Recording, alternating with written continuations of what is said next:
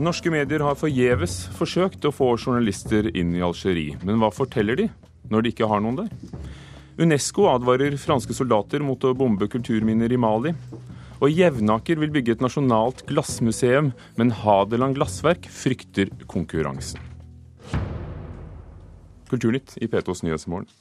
Det er fem dager siden vi fikk melding om gisler tatt til fange ved gassanlegget ved Inamenas i Algerie.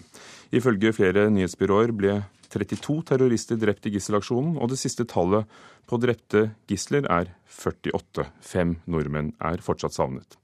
Norske medier har forsøkt å komme seg inn i Algerie, men så vidt vi vet har ingen foreløpig lykkes. Og nyhetsredaktør her i NRK, Stein Bjøntegård, hvor er vi nå? Ja, vi er her. Eh, Algerie er ikke et land som, eh, hvor det er lett for journalister å få tilgang. Eh, det er ikke det vanligvis, og i denne situasjonen har det heller ikke vært det. Vi har stått eh, på visumkontoret eh, på døra der siden onsdag, og har ennå ikke kommet lenger. Martine Aurdal, leder for samfunnsavdelingen i Dagbladet. Dere har forsøkt, heller ikke kommet inn, men har fått en avtale med en frilanser i Algerie. Hva har det betydd for deres dekning av gisselsituasjonen? Jeg vil ikke i det hele tatt gå inn på hvem det er eh, som eh, har rapportert eh, for Dagbladet i Algerie, men jeg kan si at vi har har prøvd eh, alle mulige måter eh, å få informasjon derfra før, eh, før, vi har fått noe i det hele tatt. Både via vanlige visumsøknader her i Oslo, via ambassaden i Paris, via samarbeidsavisene våre. Og, og vi går også i, i, slike situasjoner ut og søker etter frilansere i nærheten. Er det av hensyn til sikkerheten til vedkommende at dere ikke vil si hvem det er? Ja, det er jo helt åpenbart ganske usikkert i Algerie uh, for tiden. Så det, det er selvfølgelig hovedårsaken. Um, men uh, det er vanskelig å få informasjon. og Denne saken er samtidig et veldig godt eksempel på hvorfor det er så viktig å ha folk uh, nærmest mulig der det faktisk skjer. Hvor det er så mye ubekreftet informasjon, og så vanskelig å sortere den informasjonen som kommer. Men med få korrespondenter så er Algerie uansett ikke et land hvor vi ville vært, noen av de norske mediene. Og hva kunne et menneske Eh, en journalist uansett fortalt fra noe som er så lukket, hvor en militæraksjon pågår, og, og, og hvor både selskapet selv og militæret uh, har streng kontroll?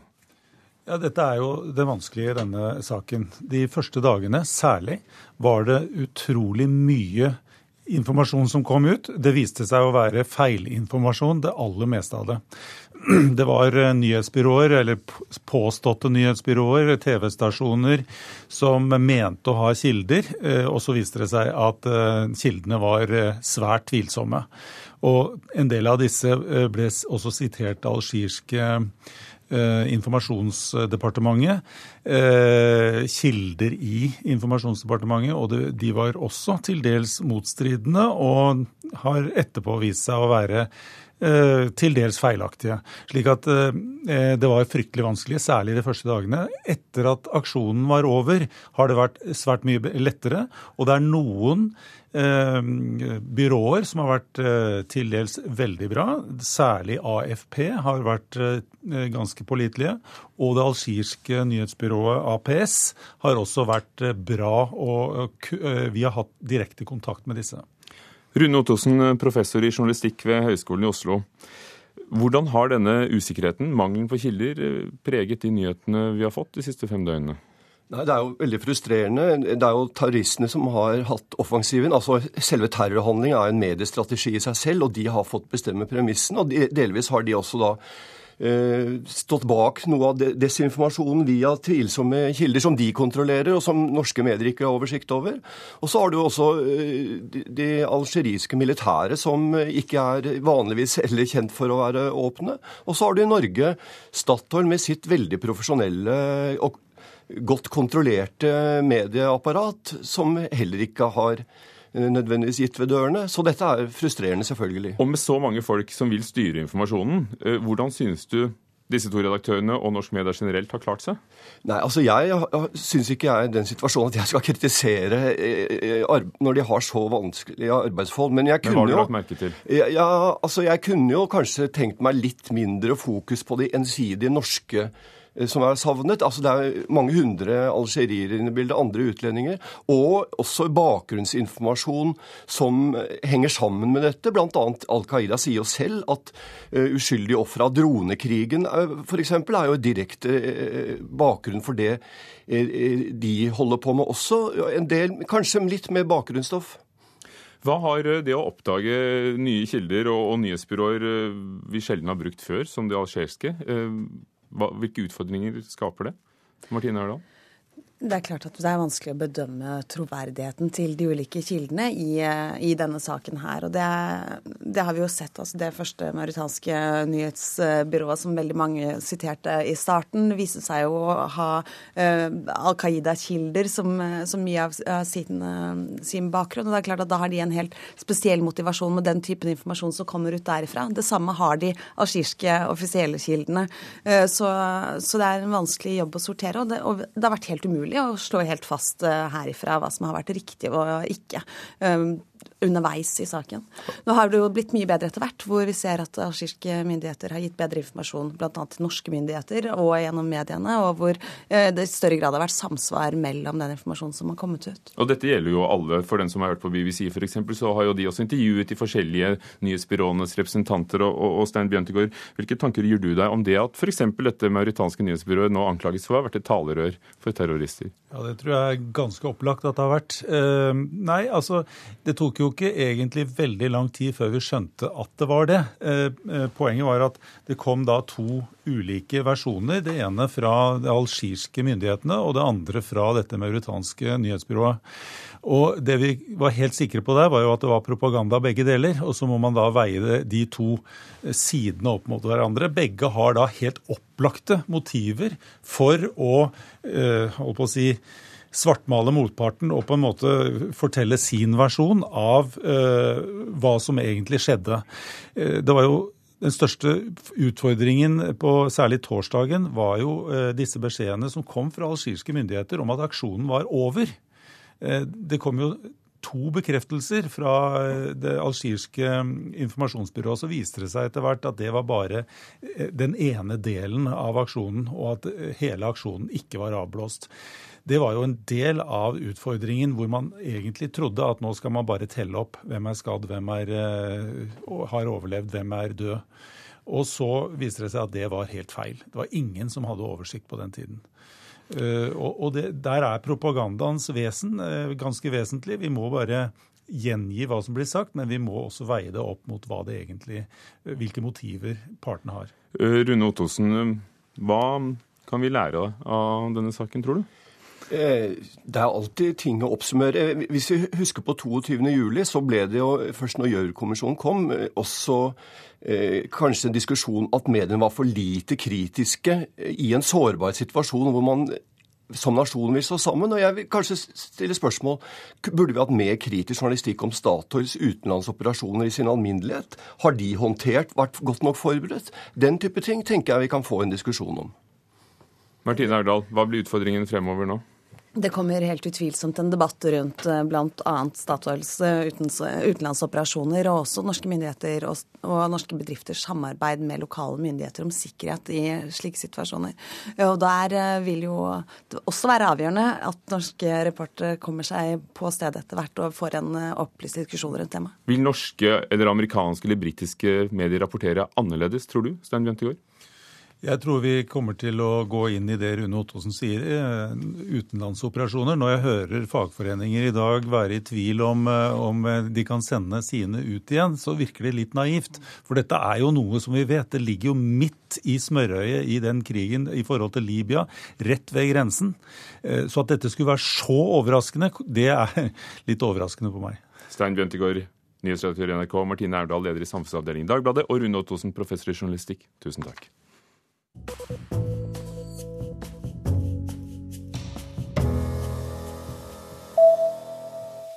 Til Jevnaker. Jevnaker kommune i Oppland arbeider nemlig hardt for å få til et nasjonalt glassmuseum for å styrke det de kaller for Glassbygda som turistmål. Men Hadeland Glassverk er imot planene fordi de ikke vil bli forvekslet med et museum, og frykter det kan ødelegge for glassverket. Men Norge har ikke noe nasjonalt glassmuseum, og nå frykter derimot ordføreren i Jevnaker at andre vil stikke av med planene. Eh, to av alternativene ligger jo da noe på land. Ordfører i Jevnaker Hilde Brørby Fivelstad peker mot Randsfjorden, der det nå er planer om å bygge et nasjonalt glassmuseum. Det er litt sånn Bjørvika Light og Operahuset da i Verkevika på Jevnaker. I mer enn 250 år har det vært glassproduksjon på Jevnaker. Jevnaker er glasshovedstaden i Norge. Her går altså E16, da, som man heter nå, under der. Så her blir det glassbru over eh, veien. Inne på kontoret viser hun skisser av det spektakulære bygget på 3000 kvadratmeter, tegnet av Kima arkitektur. Glasshistorien i Norge er altså ikke dokumentert per i dag. Og, og hva glasset har betydd for samfunnsutviklinga gjennom 270 år, eh, den mener jeg fortjener å bli dokumentert. Her produseres det. På Hadeland glassverk et stenkast unna går produksjonen for fullt. Her borte har vi kunstverkstedet vårt. Svein Gulbrandsen, administrerende direktør for en av Norges mest besøkte publikumsattraksjoner, med mellom 500 og 600 000 besøkende i året, er mot planene om å bygge et nasjonalt glassmuseum i nabolaget. Faren for oss er jo at eh, vi er redd for at en del mennesker vil forbinde Hadeland og Jevnaker med et museum, og et museum som vi har besøkt kanskje for et halvt år siden, kanskje for et år siden. Og det vil være vanskeligere å trekke folk opp igjen hit flere ganger i året. Et nasjonalt klassemuseum som etableres her på Jevnaker, eh, vil i utgangspunktet være i konkurranse med det vi gjør eh, i vår produksjon og det vi gjør på museumssiden. Vil ikke et glassmuseum eh, trekke enda flere folk hit? Eh, Slik vi ser det, så vil et glassmuseum i utgangspunktet være et museum som mange mennesker kan kunne komme til. Eh, Men når du har vært på et museum én gang, så er det for de fleste av oss en situasjon som gjør at det er flere år eller mange år til neste gang vi besøker et museum. Hadeland Glassverk, for at vi skal opprettholde vår omsetning og vi skal opprettholde vår produksjon, er vi avhengig av at folk besøker oss flere ganger i året. Det er muligheter her for at det er enda flere som kommer da, til bygda. Men ordfører Fivelstad mener tvert imot at et nasjonalt glassmuseum vil trekke enda flere besøkende. Jeg tror det vil bli veldig veldig mange. Det vil trekke veldig mange nye turister til Jevnaker. Men vi må ha det, vet du. Det er en selvfølge det for Jevnaker. Det er glassbygda, dette her. Er. På gata i Jevnaker er folk vi snakker med delt i synet på å få et nasjonalt glassmuseum i tillegg til Hadeland Glassverk. Du, jeg syns jo det at eh, hvis det blir en konkurrerende sak med Hadelands Glassverk, så kan jeg ikke skjønne at det er noe så fordel med det. Eh, Hadeland Glassverk har eksistert nå i over 251 år. Og vi har vært flinke til å ta vare på vår eh, historie. Og vi har et museum, vi har rullende utstillinger. Vi gjør samarbeid med ulike typer museumer. For oss så føler vi det at vi ivaretar glasshistorien på samme måte som vi tar vare på Hadeland Glassverk på en veldig god måte. Altså, Vi har eh, hele tida eh, vært opptatt av at Hadeland Glassverk skal eh, være orientert om de planene, og vi har invitert Hadeland Glassverk med inn i arbeidet. Per nå så har Hadeland Glassverk sagt at det ønsker de ikke å være med på. Men vi håper jo på at når vi får lagt fram dette her forprosjektet, og de ser faktisk eh, hvilke synergier dette her også kan gi for Hadeland Glassverk og for hele regionen, så har jeg håp om at Hadeland Glassverk eh, skal være mer positive framover. Det jeg er redd for, er jo at det blir liggende et annet sted. Det syns jeg er synd. Dette her er en kjempemulighet for, eh, for Jevnaker og, og region. Ordfører i Jevnaker Hilde Brørby Fivelstad, som spaserte sammen med reporter Stein S. Eide. Klokken er passert 18 minutter over åtte. Du hører på Nyhetsmorgen i NRK P2 eller Alltid nyheter. Overskriften i dag. Terroristen i Algerie truer med nye angrep. Utenlandske selskaper i Nord-Afrika er målet. Terroraksjonen i Algerie gjør at norske oljearbeidere vil kvie seg for å jobbe i risikoland, mener fagforening. Og en spionfortelling fortalt med Twitter-meldinger. Korte avsnitt blir ikke nødvendigvis stor roman, sier ikke jeg, men vår anmelder. Senere i Kulturnytt. I Tromsø er de glad i å se film. Tromsø internasjonale filmfestival, TIFF, får nemlig en publikumsrekord i år. I år varer festivalen også én dag lenger enn vanlig, og tall foreløpig viser at flere har sett film i år enn i fjor. Jeg tror altså for Jeg blir å få med meg jeg tror det er seks-syv. Jeg tror jeg har sett 15 filmer. Hvor mange filmer har du fått med deg i år? Det har blitt ti. Eh, 26 tror jeg det blir.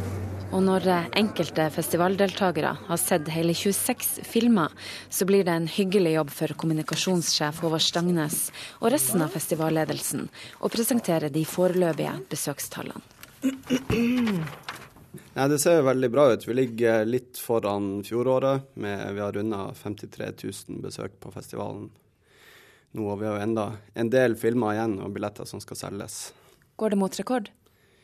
Ja, altså i forhold til jubileumsåret vårt uh, i 2010, så hadde vi et kjempebra år da. Så vi håper jo at vi, vi rekker det. Men uh, vi, vi, må se om noen dager når vi har fått telt opp alle eksterne visningssteder. Vi har jo bl.a. vist film på Svalbard, og vi har uh, ja, en del oppsamling å gjøre. Så, men jeg tror vi skal komme godt ut. Det er jo en del fin justering, men det ser veldig bra ut. Det sier festivalsjef Marta Otte. Vi vet at det har vært tettpakka kinosaler hele uka. og og jeg må si fornøyde folk på vei inn og på vei ut. Så for meg er det det viktigste. TIFF er en internasjonal filmfestival.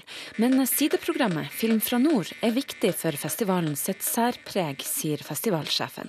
Kinoene har ikke plass til kortfilm lenger, og den eh, dokumentar, dokumentarfilm er også veldig mye borte fra kinoen. Og, uh, så de regionale fortellingene er veldig Det, det fins et stort publikum for dem, og de får ikke sett dem på andre måter. Internasjonale filmfestivaler finnes det 13 på dusin av. Og uh, det viktigste er å, å, utvikle en profil som, jobb, som, fungerer i forhold til det lokale publikum, uansett hvor man er, men også å, å, å ha en, klar nok profil som gjør deg annerledes enn de andre festivalene. For oss er det, det regionale veldig, veldig viktig. Det at min film vises på TIFF, eh, er jo, det er jo en stor ære. Regissør Steinbjørn viser sin første film, dokumentaren om Riddu Riddu, på TIFF. Eh, så, så det, det, er klart at, at, man synliggjøres på en bra måte når man er med på, på denne festivalen. Og reporter i Tromsø under filmfestivalen, Caroline Rugeldal. Unesco advarer franske styrker mot å bombe kulturminner i Mali. Islamistopprørere i det afrikanske landet har allerede ødelagt flere uerstattelige kulturminner i verdensarvbyen Timbuktu siden opprøret begynte for ett år siden. Nå frykter FNs kulturorganisasjon at mer skal gå tapt under franske bombeangrep over landet. Og Rivor Knutsen i Kirkens Nødhjelp, du har bodd i Mali og arbeidet med Mali i 25 år. Hvilke kulturminner er det snakk om nå? Eh, ja, det er jo i Timbuktu. Timbuktu var et eh, senter for islamsk eh, Et islamsk læresenter og en universitetsby eh, med sin storhetstid på 1400- og 1500-tallet. Fra den tiden så er det bevart eh, en rekke store moskeer. Og det er også eh, skriftsamlinger og bøker og brev som er bevart. Timbuktu er også kjent som byen for de 333 helgener. Og for disse helgenene, eller for en del av dem, så er det bygget mausoleer. Eh, disse, særlig disse mausoleene har vært eh, utsatt under den islamistiske okkupasjonen som har vært i dette området. Ja, for Vi har jo allerede vært innom også her i Kulturnytt at, at opprørerne har ødelagt en del kulturminner. Hvor, hva vet du om hva som er ødelagt av opprørerne hittil? Eh, jeg har i hvert fall ikke noen eh, full eh, oversikt over det, i og med at disse områdene har vært ganske vanskelig tilgjengelig for utenforstående i lang tid. Så jeg kjenner ikke til at det er noen full sånn oversikt. Men eh, det vi vet, og vi har jo også sett det på YouTube og på filmsnutter, eh, at eh, opprørere har gått løs på disse særlige mausoleene, som de da betrakter som en form for avgudsdyrkelse.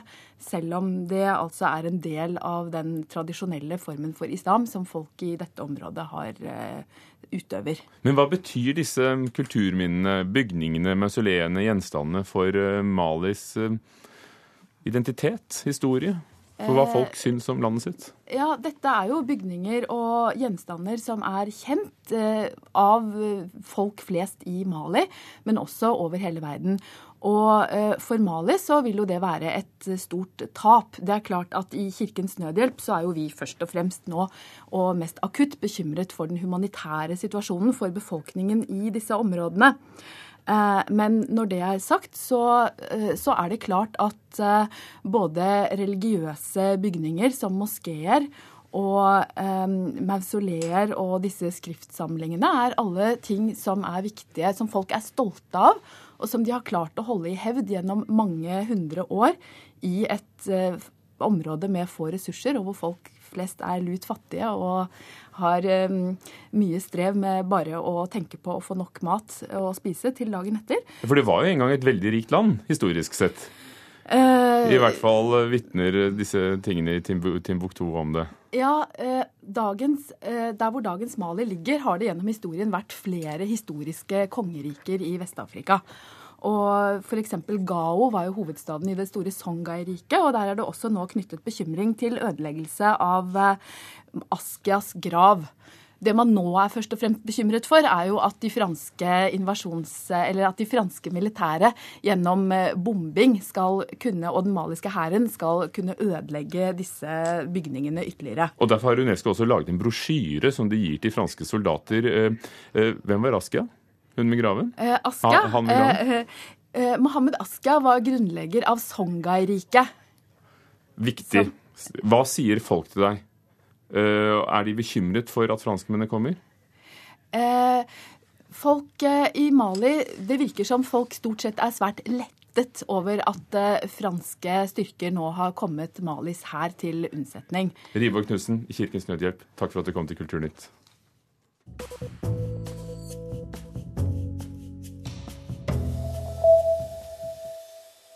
Den amerikanske forfatteren og journalisten Jennifer Egan har skaffet seg en Pulitzer-pris og et navn med sin roman 'Bølle på døra'.